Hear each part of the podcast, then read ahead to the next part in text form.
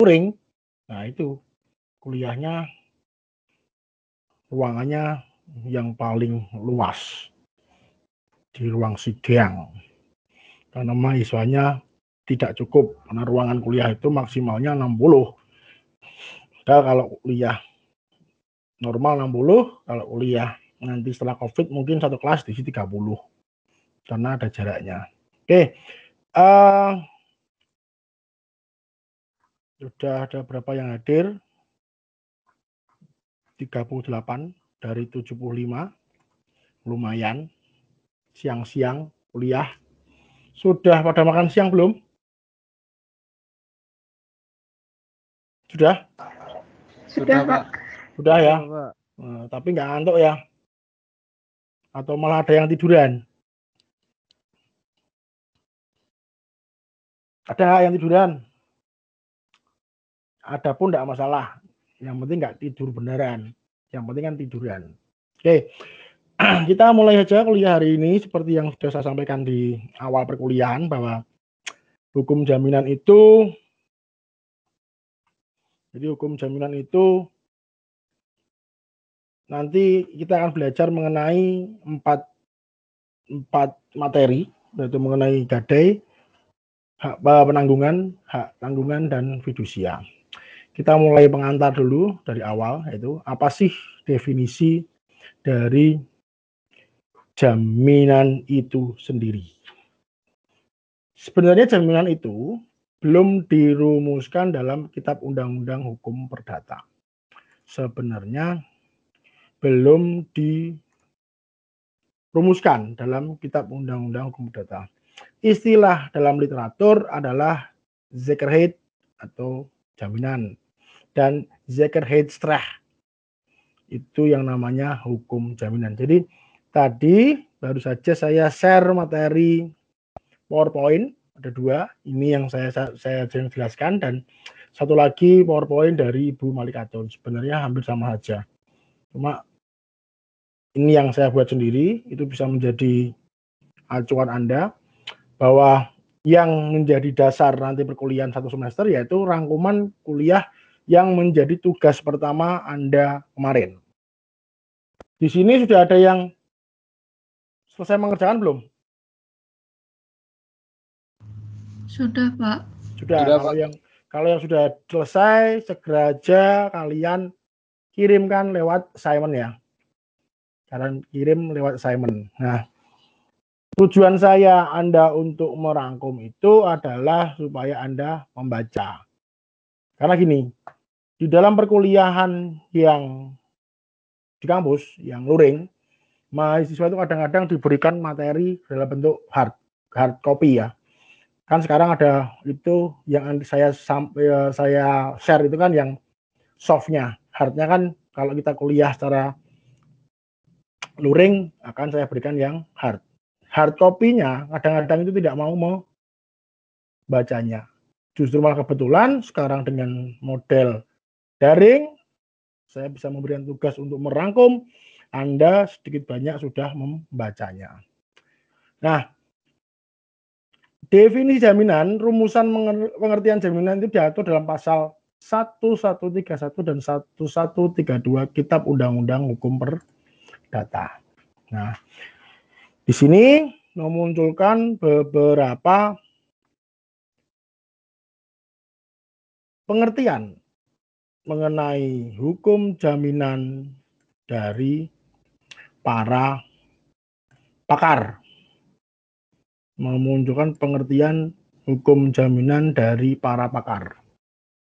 Menurut J. Satrio, peraturan hukum yang mengatur jaminan jaminan seorang kreditur terhadap seorang debitur. Saya sampaikan bahwa jaminan itu hubungannya dengan utang piutang. Jaminan itu hubungannya dengan piutang-piutang dalam pemenuhan perekonomian. Setiap orang itu selalu memerlukan yang namanya pinjaman. Pinjaman. Di kelas ini ada tidak yang belum pernah meminjam dari orang lain? Ada enggak kira-kira? Semuanya Anda bisa tackle sendiri. Barang Anda semua punya. Kira-kira ada enggak? Atau selalu, bukan selalu sih, pernah atau kadang-kala meminjam dari orang lain? Ada enggak? Misalkan buku. Atau Anda pernah ujian kemudian pulpennya ketinggalan. Pernah enggak? Pernah? Pernah. Pernah, Pak. Jadi kemudian meminjam. Nah, mengapa teman Anda mau meminjami Anda pulpoin? Mengapa? Mengapa? Percaya, Pak. Percaya. Percaya. Nah, percaya itu kalau hanya pulpoin ya, barang kecil. Percaya pasti akan nanti dikembalikan. Betul enggak? Kalau ini dalam bidang ekonomi, itu kita bicara mengenai uang. Uang. Nah, untuk uang, jadi peraturan hukum yang mengatur jaminan-jaminan seseorang kreditur terhadap seorang debitur itu kalau uang itu butuh jaminan tidak? Atau Anda meminjam uang di bank itu pasti diberikan tidak? pasti ya diberikan. Dicairkan duitnya. Belum tentu, Pak. Belum tentu. Jadi, oleh karena itu diperlukan yang namanya jaminan. Di sini menurut Mariam Darus Batul Zaman, suatu tanggungan yang diberikan oleh debitur atau pihak ketiga kepada kreditur untuk menjamin dalam suatu perikatannya. Kemudian Thomas Suyatno, penyerahan kekayaan atau pernyataan kesanggupan seseorang untuk membayar hutangnya. Itu mengenai doktrin atau pengertian menurut pakar hukum. Nah, pengertian jaminan dan hukum, uh, hukum jaminan sendiri yaitu jaminan adalah sesuatu yang diberikan kepada kreditur terhadap debitur untuk menimbulkan keyakinan.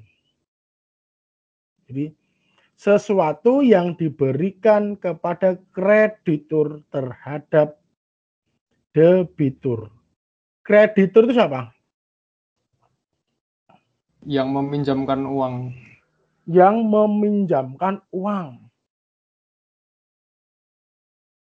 sesuatu yang diberikan kepada kreditur terhadap debitur untuk menimbulkan keyakinan pada kreditur bahwa debitur akan memenuhi kewajiban yang dapat dinilai dengan uang yang timbul akibat dari yang timbul akibat dari suatu perikatan. Jadi pengertian jaminan sendiri adalah sesuatu yang diberikan kepada kreditur terhadap debitur untuk menimbulkan keyakinan kepada kreditur bahwa debitur akan memenuhi kewajiban dalam hal ini adalah utang yang dapat dinilai dengan uang yang timbul akibat dari suatu perikatan. Ini pengertian dari jaminan. Secara tidak langsung, nah Objek dari jaminan itu apa? Dari pengertian ini, ada yang bisa melihatnya enggak? Dari pengertian jaminan, objek dari jaminan itu barang yang seperti apa? Benda bergerak, Pak. Benda bergerak. Yang, yang bisa di, benda yang bisa dinilai secara ekonomi, Pak. Nah, dari pengertian ini bisa dilihat bahwa benda yang dijadikan objek jaminan adalah yang dapat dinilai dengan uang. Yang dapat dinilai dengan uang. Nah, keris bisa dijaminkan tidak? Bisa, Pak. Bisa. Bisa dijaminkan. Bila ada orang yang mau menerima benda jaminan keris, bisa saja. Tapi kira-kira Pegadaian mau tidak menerima keris sebagai jaminan utang piutang? Tidak, Pak. Mau tidak kira-kira Pegadaian? Tidak. Tidak, karena apa? Tidak bernilai. Tidak bernilai. Jadi maksudnya tidak bernilai di sini, saya jelaskan ya. Maksudnya tadi tidak bernilai di sini bila di eksekusi dan ditawarkan ke orang pada umumnya, kira-kira keris itu berharga tidak? Ada harganya tidak? Tidak, tidak ada harganya. Keris akan lebih berharga bila di tangan orang yang mengerti keris. Apabila ada barang yang dilelang di pegadaian misalkan, atau dieksekusi dengan cara lelang, itu biasanya sesuai dengan harga pasaran yang ada. Biasanya. Seringkalinya adalah hanya untuk menutup kekurangan hutang debitur. Nah, pengertian jam, hukum jaminan adalah keseluruhan kaidah-kaidah hukum antara pemberi dan penerima. Jaminan kaitannya dengan fasilitas kredit itu yang namanya hukum jaminan. Jadi dalam hukum jaminan biasanya itu terjadi karena fasilitas kredit atau utang piutang. Nah, arti penting lembaga jaminan. Arti penting dari lembaga jaminan. Nah, seperti yang sudah saya sampaikan di pertemuan pertama, lembaga jaminan itu ada berapa? Yang sudah membaca atau selesai merangkum materi, lembaga jaminan ada berapa? Empat, Pak. Empat. Apa saja itu? Gadai penanggungan fidusia hak tanggungan, Pak. Gadai penanggungan fidusia dan hak tanggungan. Dari situ sudah bisa dilihat perbedaan objeknya belum? Sudah bisa dilihat belum?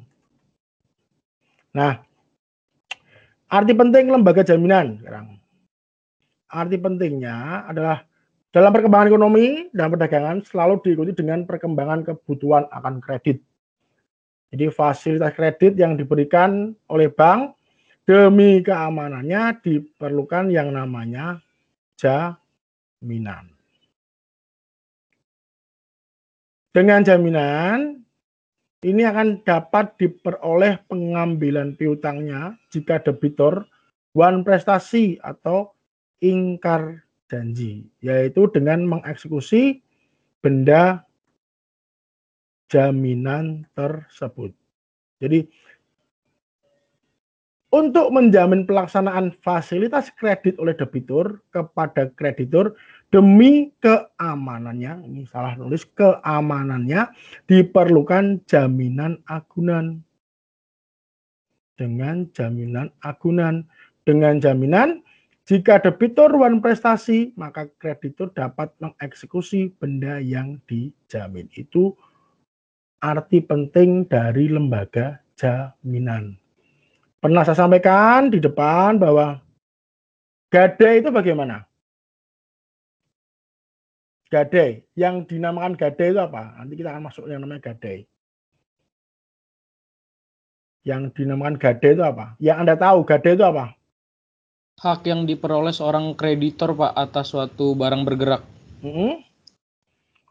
Secara yang... secara gambar aja bahwa kalau yang nama gadai itu bendanya ada di tangan siapa, kemudian surat-suratnya di tangan siapa. Di uh, surat-suratnya di tangan kreditor nanti diberikan kepada debitor, Pak. Jadi surat-suratnya diberikan ke tangan kreditur. Dalam hal ini siapa krediturnya? Pegadaian, Pak. Biasanya pegadaian ya, paling gampang. Paling gampang di sini pegadaian karena memang dibolehkan sekarang ada yang namanya pegadaian kalau saya katakan pegadaian swasta ya. Karena pegadaian itu kalau pegadaian itu kan BUMN ya. Tapi kalau gade juga ada swasta, itu ada. Cuma sebenarnya aturan yang jelas bunganya berapa itu yang belum jelas. Nah, saya mengenai jenis-jenis jaminan. Nah, Anda bisa lihat jenis-jenis jaminan. Nah, jenis-jenis jaminan itu jaminan dibedakan menjadi dua, yaitu jaminan umum dan jaminan khusus. Jaminan umum seluruh harta benda debitur itu dalam pasal 1131. Jaminan umum dan jaminan khusus. Jaminan umum itu adalah menyangkut seluruh harta benda debitur. Sementara jaminan khusus, nah, kita yang akan bicarakan dalam satu semester ini. Jaminan khusus itu adalah jaminan perorangan, ada jaminan kebendaan. Jaminan perorangan apa namanya? Ada tahu enggak? Jaminan perorangan itu namanya, Bang? Penanggungan, Pak. Penanggungan atau yang sering disebut dengan bortoh. Penanggungan yang menjadi penanggung adalah pihak ketiga. Sementara jaminan kebendaan itu ada gadai, jaminan fidusia, hak tanggungan dan hipotek. Dulu namanya hipotek, sekarang men menjadi hak tanggungan. Hipotek sudah tidak ada. Diganti dengan hak tanggungan. Diganti dengan hak tanggungan. Dulu namanya adalah hipotek, dibedakan antara hipotek dan tanggungan. Hak tanggungan belum ada, adanya hipotek. Kemudian keluar undang-undang hak tanggungan, hipotek tidak ada, muncul yang namanya hak tanggungan. Nah, perbedaan pokok jaminan perorangan dan jaminan kebendaan.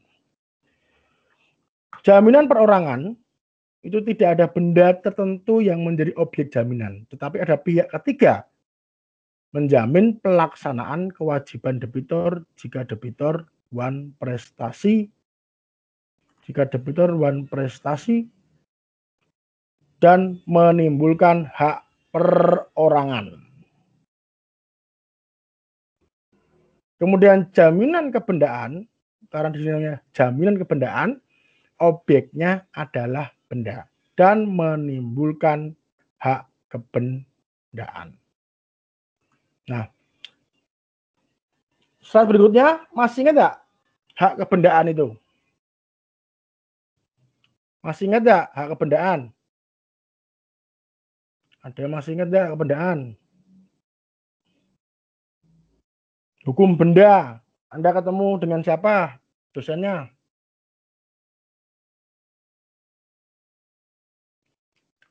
Masih ingat nggak semester lalu? Masih sedikit, Pak. Masih sedikit. Hak kebendaan itu bersifat memberikan kenikmatan. Jadi tertuju untuk benda milik sendiri atau hak milik dan benda milik orang lain atau hak pakai. Jadi yang bersifat memberikan kenikmatan itu tertujunya adalah untuk benda milik sendiri. Jadi untuk menikmati adalah benda milik sendiri dan hak milik dan benda milik orang lain atau hak pakai. Kalau yang bersifat memberikan jaminan itu tertuju untuk benda milik orang lain. Nah, masih ingat enggak ciri-ciri kebendaan? Ciri-ciri kebendaan merupakan hak mutlak bisa dipertahankan dari siapa saja. Yang kedua, droid the suite dan revindikasi. Apa itu droid the suite? Ada yang masih ingat? Hak, hak yang mengikuti, Pak. Hak yang mengikuti maksudnya bagaimana? Uh, maksudnya tuh uh, hak itu terus mengi hak itu terus mengikuti bendanya di mana juga benda itu berada, Pak. Kalau tidak Nah. sama seperti itu. Nah, itu yang namanya droid the suite. Di mana pun benda itu berada, hak kebendaan itu akan selalu ada. Hak kebendaan ada berapa? Sebentar, hak kebendaan ada berapa? Tiga, Pak. Tiga. Hak apa aja? Legendum, Pak. Legendom. gesit, Terus detenti, Pak. detenti. Jadi di mana pun benda itu berada, diingat ya, di mana pun benda itu berada, gendom, besit atau detenti itu akan selalu mengikuti. Kemudian revindikasi itu apa? Menuntut kembalinya benda itu, Pak. Menuntut kembalinya benda yang sudah hilang, meminta barangnya kembali. Tapi ada aturannya. Nah, kemudian do the preference itu apa? Eh, ini mem- kedudukan yang di- memberikan kedudukannya Pak yang diutamain mela- eh, Oh, mendahului pemegangnya. Nah, memiliki kedudukan yang diutamakan. Itu mengenai kebendaan. Kemudian yang keempat, objeknya benda. Tambahan lagi yang kelima, dapat dialihkan. Maksudnya dapat dialihkan, dipindah tangankan ke orang lain. Nah, selanjutnya mengenai jaminan umum. Saya akan menunjukkan mengenai jaminan umum.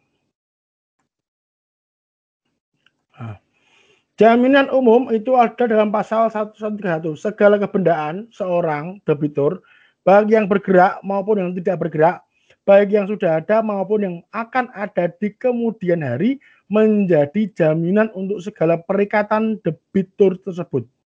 Ini secara umum. Jadi orang utang piutang itu jaminannya semuanya benda yang dia punya. Baik yang sudah ada maupun yang akan ada di kemudian hari. Ada yang bisa paham enggak? Barang yang akan ada di kemudian hari itu apa? Warisan, Pak. Warisan? Ada yang lain? Gimana Pak tadi Pak pertanyaannya Pak? Bisa enggak yang Anda memberikan contoh benda yang akan ada di kemudian hari? Yang bisa dijadikan jaminan. Jadi kalau utang, hari ini saya utang dengan jaminan pabrik. Pabrik saya, saya jadikan jaminan utang piutang. Pabrik itu menjadi jaminan. Pabrik itu membuat sesuatu tidak? Membuat Pak. Membuat sesuatu. Katakanlah pabrik sepatu. Dengan omset katakanlah satu bulan berapa pasang gitu ya. Kan bisa dihitung enggak hasilnya? Bisa nggak dihitung hasilnya? Bisa ya. Bisa, Pak. karena ada ada apa namanya step-stepnya yang bisa di dihitung ya dalam jangka waktu tiga bulan ya katakanlah utang piutang bisa dihitung jumlah sepatunya jumlah hasilnya penjualan Bisa Pak. bisa ternyata itu tidak sampai jadi mengakibatkan utang piutang itu pabriknya dieksekusi pabrik dieksekusi itu tidak hanya pabriknya saja yang dieksekusi, tapi juga termasuk sepatu yang sudah diproduksi yang belum sempat dijual. Paham? Paham enggak? Jadi segala kebendaan sese- seorang debitur, baik yang bergerak maupun yang tidak bergerak. Jadi kalau yang namanya jaminan umum itu seumum- se- semuanya. Jadi jaminan ada dua, jaminan umum dan jaminan khusus. Jaminan umum diatur dalam pasal 1131. Segala kebendaan seseorang atau segala kebendaan seorang debitur, baik yang bergerak maupun tidak bergerak. Manusia atau Anda saja. Anda mungkin saat ini baru bisa memiliki benda bergerak. Di sini ada nggak yang punya tanah? Yang sudah memiliki tanah atas nama Anda sendiri. Ada belum? Belum, Pak. Belum ya. Jadi kan segala kebendaan seorang debitur baik yang bergerak maupun tidak bergerak, baik yang sudah ada maupun yang akan ada di kemudian hari menjadi jaminan untuk segala perikatan debitur tersebut. Jadi bila seseorang itu utang dengan jaminan tanah, utang dengan jaminan tanah. Tanah itu saat ini ada tanaman jatinya. Utangnya tiga tahun. Jatinya makin besar atau enggak? Kira-kira Makin besar, Pak. makin besar itu termasuk menjadi barang yang akan ada ya barang yang akan ada di kemudian hari menjadi jaminan bila itu merupakan jaminan umum. Paham ya? Paham? Atau bingung? Mbak, Paham ya? Itu mengenai jaminan umum. Sementara jaminan khusus itu diatur dalam pasal 1132 yang mana kebendaan yang tersebut dalam pasal 1131 menjadi jaminan bersama bagi para kreditur dan hasil penjualan kebendaan tersebut dibagi di antara para kreditur seimbang menurut besarnya piutang masing-masing kecuali ada alasan-alasan yang sah untuk mendahulukan piutang yang satu dari piutang yang lain. Ini yang namanya jaminan khusus.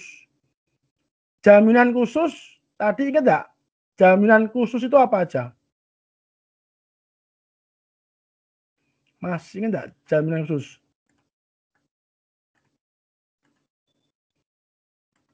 Ingat enggak jaminan khusus itu apa aja? Yang lima tadi, Pak. Ah, kok lima tadi itu apa aja? Eh, empat, Pak. Penanggungan gadai hipotek. Nah, itu Jaminan yang nam- perorangan. Itu namanya jaminan khusus yaitu gadai, penanggungan, hak tanggungan dan fidusia. Itu namanya jaminan khusus. Nah, jaminan khusus Anda cermati kalimat di sini kebendaan yang tersebut dalam pasal 1131 menjadi jaminan bersama bagi para kreditur dan hasil penjualan kebendaan tersebut dibagi di antara para kreditur seimbang menurut besarnya piutang masing-masing. Kecuali ada alasan-alasan yang sah untuk mendahulukan piutang yang satu dari piutang yang lain. Ini kecuali jadi alasan-alasan yang sah untuk mendahulukan. Kalau yang katanya mendahulukan piutang yang satu dan piutang yang lain ini namanya hak preferen. Ingat-ingat, hak preferen adalah hak untuk mendapatkan pelunasan hutang terlebih dahulu dari kreditur yang lainnya. Jadi maksudnya se- eh, seseorang seseorang itu bisa utang dengan bermacam-macam orang. Bisa enggak? Katakanlah saya. Saya bisa tidak utang dengan lima orang?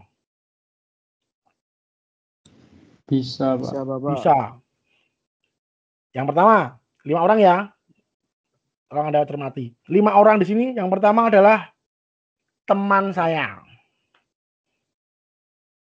Yang kedua, saudara saya. Yang ketiga, saya utang dengan menggunakan gadai. Kemudian saya utang dengan menggunakan hak tanggungan. Kemudian saya utang dengan menggunakan fidusia. Dari kelima utang piutang saya tadi, bila mana saya one prestasi, kemudian barang saya itu dieksekusi, yang dibayar dulu yang mana? Gadai, Pak. Gadai. Ada yang lain? Yang dibayar atau yang dilunasi dulu yang mana? Tadi Mas siapa? Mas Raka ya? Atau Mas Hamdani tadi yang bilang gadai? Mas Raka? Sa- Saya, Pak. Hamdani ya? Iya, Pak. Gadai. Mengapa kok gadai? Sudah ditentukan, Pak. Di kan Perdata. mm, bagaimana? Pasal Bahwa- 100 1134. Kalau 34 gadai dulu harus dilunasi, itu ya. Iya. Nah, jadi kalau fidusia nanti hak tanggungan nanti pokoknya gadai dulu ya. Gitu. Nah, misalkan gadai dilunasi, hak tanggungan dan fidusia bisa dilunasi enggak? Kira-kira, Mas Hamdani. Bila saya utang dengan lima orang tadi, gadai harus dilunasi dulu. Fidusia dan hak tanggungan bisa dilunasi tidak? Bisa, Pak. Bisa. Karena apa? Eh, kalau ini Pak, eh, saya izin jawab Pak. Ya, kalau silakan. atas pasal 1136, karena kan Hmm. para kreditur dengan hak didahulukan yang mempunyai tingkatan tingkatan yang sama dibayar secara berimbang. Nah itu bisa nggak Pak? Nah, di sini kan pasal 1132 ya. Hasil penjualan kebendaan tersebut dibagi di antara para kreditur.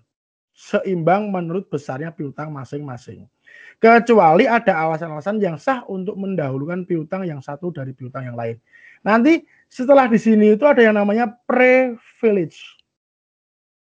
Privilege adalah alasan-alasan ini mendahulukan piutang yang satu dan piutang yang lain. Jadi gini, eh Anda coba pahami dulu, utang saya tadi 5, tadi utang dengan teman, dengan saudara, dengan menggunakan gadai, dengan hak tanggungan, dan fidusia. Kita lihat dulu yang tiga, gadai, fidusia, dan hak tanggungan. Objeknya sama enggak?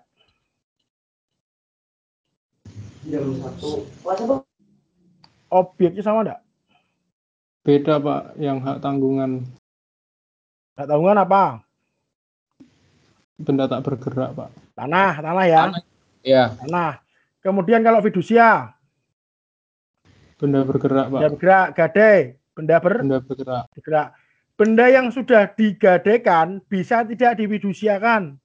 Kira-kira Tidak bisa, Pak. tidak bisa karena apa? Karena benda sama surat-suratnya sudah Nah, sudah berarti kalau saya saya utang dengan fidusia, objeknya sama tidak? sama, Pak. Sama. Benda yang sudah digadaikan bisa tidak difidusiakan? Tidak, Pak. Tidak bisa. Jadi kalau saya utang dengan fidusia, bendanya sama tidak dengan yang digadaikan? Beda, Pak. Beda. Karena beda, fidusia, gadai, dan hak tanggungan bisa lunas tidak? Bisa. Bisa. Jadi bila utang piutang dengan jaminan penanggungan, hak tanggungan, fidusia, dan gadai itu pasti akan dilunasi terlebih dahulu. Karena apa? Objeknya pasti berbeda. Benda yang sudah difidusiakan pun tidak akan bisa digadaikan. Karena apa? Fidusia yang diserahkan adalah BPKB. Meskipun motornya di tangan pemilik benda, tapi kalau digadaikan harus dengan BPKB-nya. Jangan pernah mau menerima gadai hanya motor dan STNK. Saya yakin dan pastikan Anda akan masuk yang namanya penadah. Paham ya? Paham? Paham Pak? Jadi bedakan kalau gadai yang diserahkan motor surat suratnya fidusia itu hanya surat-suratnya. Jadi kalau Anda menerima gadai hanya motornya tanpa surat-surat jangan mau karena itu pasti Anda akan menjadi penadah bila nanti itu menjadi masalah hukum. Pasti itu. Karena apa? Orang yang menyerahkan atau orang yang menggadaikan benda itu bukan orang yang berwenang. Nanti saya akan masuk yang namanya gadai. Jadi di sini ada pertanyaan sampai dengan jaminan umum dan jaminan khusus. Sebelum saya masuk ke gadai,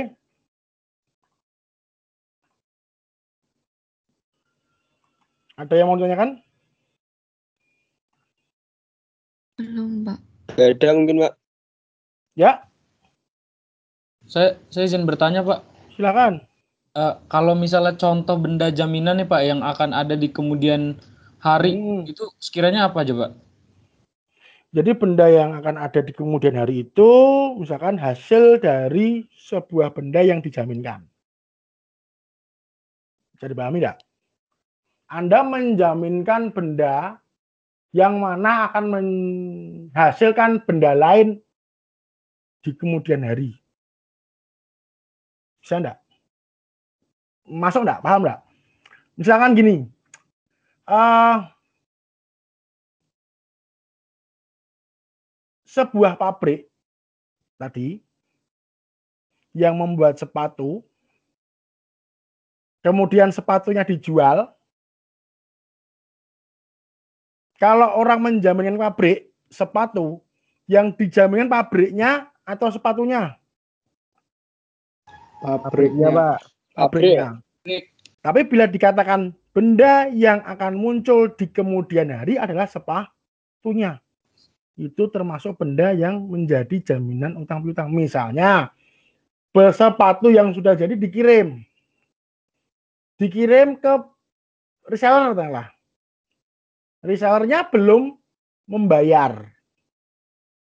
Berarti pabriknya punya apa? Dari reseller. Pi, piutang enggak? Iya. ada piutang, hak tagih. Hak tagih itulah yang akan menjadi yang namanya benda yang akan ada di kemudian hari. Paham? Paham Pak. Benda yang akan di kemudian hari itu adalah hasil dari benda yang dijaminkan.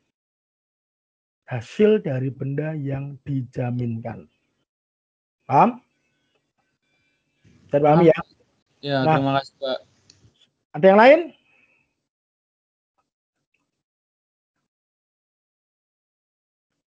Yang lain? Nah, ini sedikit saya akan memberikan gambaran mengenai jenis piutang yang didahulukan. Ada yang sudah membaca kitab Undang-Undang Perdata pasal 1133.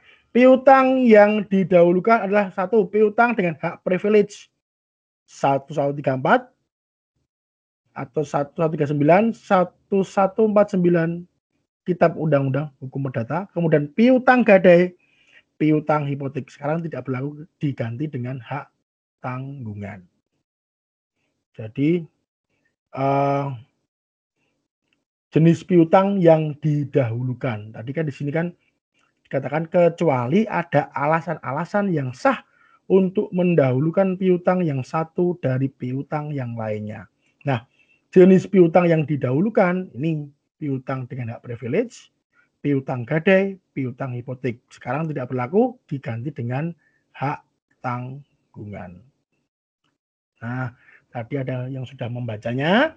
Pasal 1134 mengatakan bahwa privilege adalah hak istimewa, hak untuk didahulukan dalam pelunasan. Pasal 1134 ayat 1 suatu hak yang oleh undang-undang diberikan kepada seseorang yang berpiutang sehingga tingkatannya lebih tinggi daripada orang berpiutang lainnya semata-mata berdasarkan sifat piutangnya.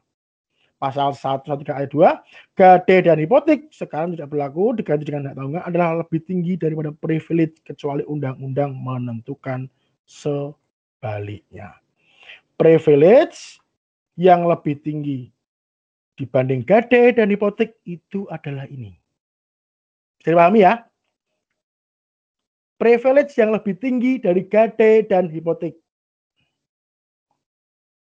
Ini kan kitab undang-undang hukum perdata yang dibuatnya tahun berapa berdasarkan dari Berkeley Book dari peninggalan Hindia Belanda.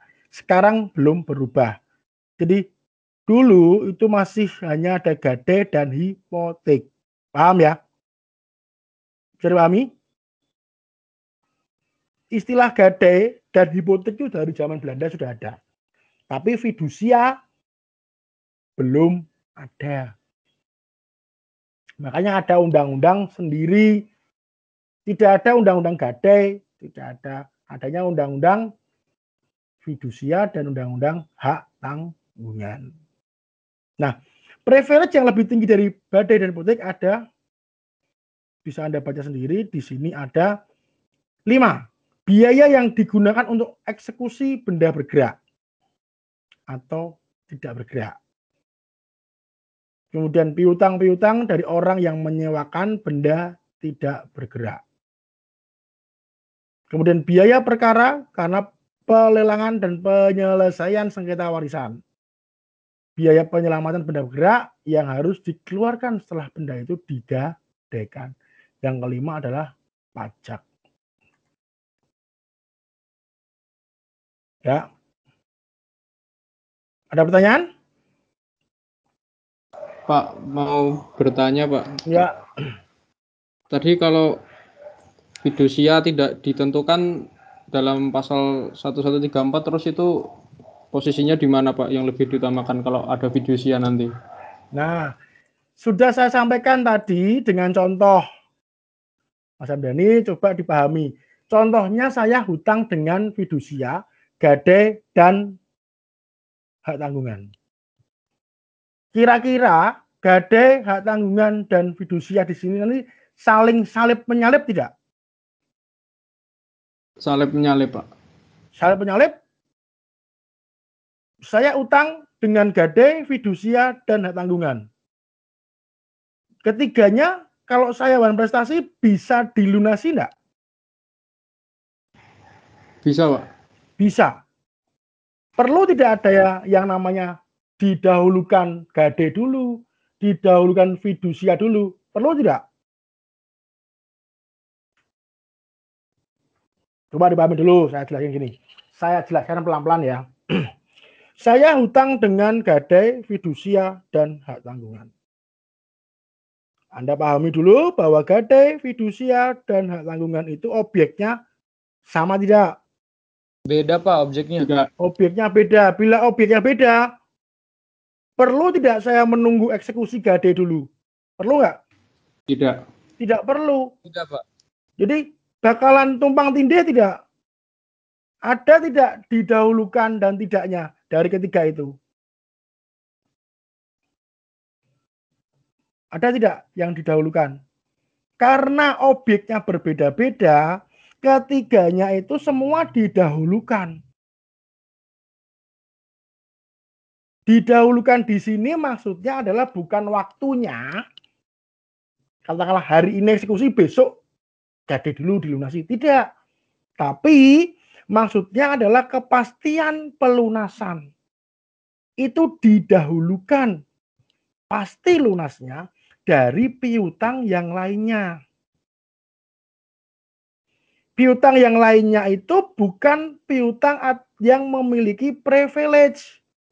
Di sini jenis piutang yang didahulukan itu ada paham enggak di sini?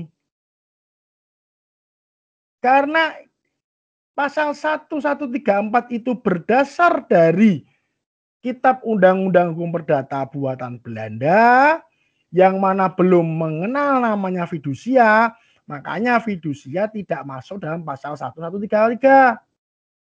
Tidak masuk dalam Kitab Undang-Undang Hukum Perdata. Dibuatkanlah yang namanya undang-undang tersendiri, undang-undang jaminan fidusia. Paham Mas, Mas Hamdani? Oke Pak, terima kasih Pak. Paham ya? Jadi ini, yang namanya tadi kan pertanyaannya bagaimana? Bila gadai tanggungan fidusia. Tanggungan fidusia itu yang gadai dan tanggungan masuk dalam privilege kitab undang-undang perdata di mana fidusia kan gitu ya? Iya, Pak fidusia diatur sendiri dengan undang-undang tersendiri. Namanya Undang-Undang Jaminan fidusia, UUJF. Undang-Undang Jaminan Fidusia. Di dalamnya ada sendiri yang mengatakan bahwa juga memiliki hak privilege. Coba Anda baca biaya yang digunakan untuk eksekusi. Jadi privilege adalah apa? Jenis piutang yang didahulukan. Piutang yang didahulukan adalah privilege. Nah, piutang yang diduluan atau jenis piutang privilege adalah hak privilege sendiri, piutang gade, piutang hipotek atau hak tanggungan. Bisa ditambah lagi di sini yang namanya piutang fidusia. Ya, paham ya? Nah, tadi piutang-piutang fidusia, piutang hak tanggungan, piutang gadai itu dibayar nanti dulu setelah dikurangi dengan privilege, uh, privilege yang lebih tinggi dari gadai dan hipotek. Itu adalah ini. Lima hal ini. Biaya yang digunakan untuk eksekusi itu harus dibayar dulu. Bila semua kelima hal ini sudah diberesi semua, baru pelunasan hutang. Paham? Paham? Paham, Ada, Pak. ada yang mau ditanyakan lagi? Tidak ada?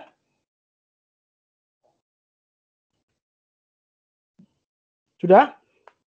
Uh, bila sudah, minggu depan kita masuk ke materi gade ya. Bila tidak ada yang ditanyakan, minggu depan kita akan masuk ke materi gade. Nanti di gade itu ada yang namanya unsur gade. Nah, nanti Anda makin jelas. Unsur gade itu apa aja, Anda akan makin jelas. Tadi mengenai gambaran umum bahwa yang namanya gade, fidusia, dan tanggungan itu memiliki privilege. Privilege-nya adalah dilunasi terlebih dahulu, tapi sebelum dilunasinya itu harus menyelesaikan kelima hal ini dulu. Baru pelunasan hutang. Nah, gini, yang gampangannya kalau saya tadi utang dengan lima, lima lembaga, lima utang, orang, orang utang dengan uh, teman, saudara, fidusia, gadai, dan hak tanggungan. Fidusia, gadai, dan hak tanggungan ini bila sudah dieksekusi benda jaminannya untuk melunasi ketiga hutang ini. Karena objeknya berbeda-beda, maka pasti akan lunas. Pasti akan lunas. Bagaimana nasib dengan dua teman, satu teman saya, satu saudara saya? Nah, bagaimana nasib mereka? Biasanya kalau teman hutang, sekarang saya mau bertanya jujur-jujuran saja. Kalau utang piutang dengan teman itu ada jaminannya tidak? Kira-kira biasanya? Tidak. Tidak ada. Jaminannya Tidak apa? ada, Pak. Jaminannya hanya rasa percaya, Percaya. ya. Percaya ya. Percaya saja dan melihat, oh itu punya rumah, betul enggak? Betul, Pak. Nanti kalau dia nggak bisa bayar utang, akan saya ambil rumahnya. Nah, kan gitu. Ternyata, ternyata saya tadi selain hutang dengan teman dan saudara itu, hutang dengan hak tanggungan. Hak tanggungan jaminannya apa? Tanah, Pak. Tanah, Pak. Tanah atau rumah yang saya tempati itu sudah saya jaminkan dengan hak tanggungan. Kira-kira teman dan saudara saya itu tadi yang saya utangi dengan percaya melihat saya punya rumah bisa lunas ya utangnya. Bisa tidak dia mengambil rumah saya? Tidak, Pak. Tidak bisa. Karena tidak memiliki hak preferen atau hak privilege. Paham? Itu yang namanya didahulukan dari kreditur-kreditur lainnya. hak tanggungan akan dilunasi dulu. Bila sudah dilunasi, sisa baru melunasi hutang-hutang yang lainnya yang di bawah tangan. Paham? Bisa dipahami tidak? Bisa, Pak. Bisa ya? Saya kan bisa memahami. Karena kalau saya biasanya mengajar seperti ini di kampus, itu dengan gambar. Lebih gampang. Tapi kalau di sini kan gambar kan susah. Saya menggambar di mana? Di tembok saya kan tidak bisa. Katakanlah di tembok, ini belakang saya kan lemari. Di daerah tembok. Tembok saya ini gambar-gambar semua. Jadi lima utang piutang tadi, tiga dengan lembaga jaminan yang mempunyai privilege sudah beres. Tinggal dua ini melihat saya punya rumah, pikirnya rumah saya tidak akan menjadi jaminan utang. Ternyata saya punya utang di bank dengan jaminan rumah itu. Rumah itu akan dieksekusi, setelah laku dieksekusi, sisanya baru akan melunasi utang-utang yang lainnya. Itu utang-utang di bawah tangan. Karena banyak sekali utang-utang di bawah tangan itu banyak sekali. Banyak sekali yang namanya utang-utang di bawah tangan. Utang-utang biasa dengan uh, surat pernyataan tulisan tangan saja kemudian ditandatangani atau dibuat lewat notaris utang piutang gitu aja. Itu masih kalah tingkatannya dengan yang namanya fidusia, hak tanggungan, penanggungan, dan gadai. Sampai sini paham? Paham semua ya? Kalau ada yang ingin ditanyakan, nanti bisa tanya langsung saya lewat komplingnya minta nomor telepon saya bisa WA langsung. Uh, saya kira perkuliahan hari ini saya cukupkan sampai sekian dulu. Uh, saya akan share yang namanya barcode absennya di conversation. Nah, saya sudah share barcode absennya, silakan absen. Bila ada yang mau ditanyakan nanti bisa langsung WA saya lewat minta nomor telepon komtingnya. Bila tidak ada pertanyaan lagi, saya ucapkan terima kasih atas waktunya. Uh, selamat siang. Saya akhiri kuliah hari ini. Assalamualaikum warahmatullahi wabarakatuh. Terima kasih. Ya. Terima kasih, Pak.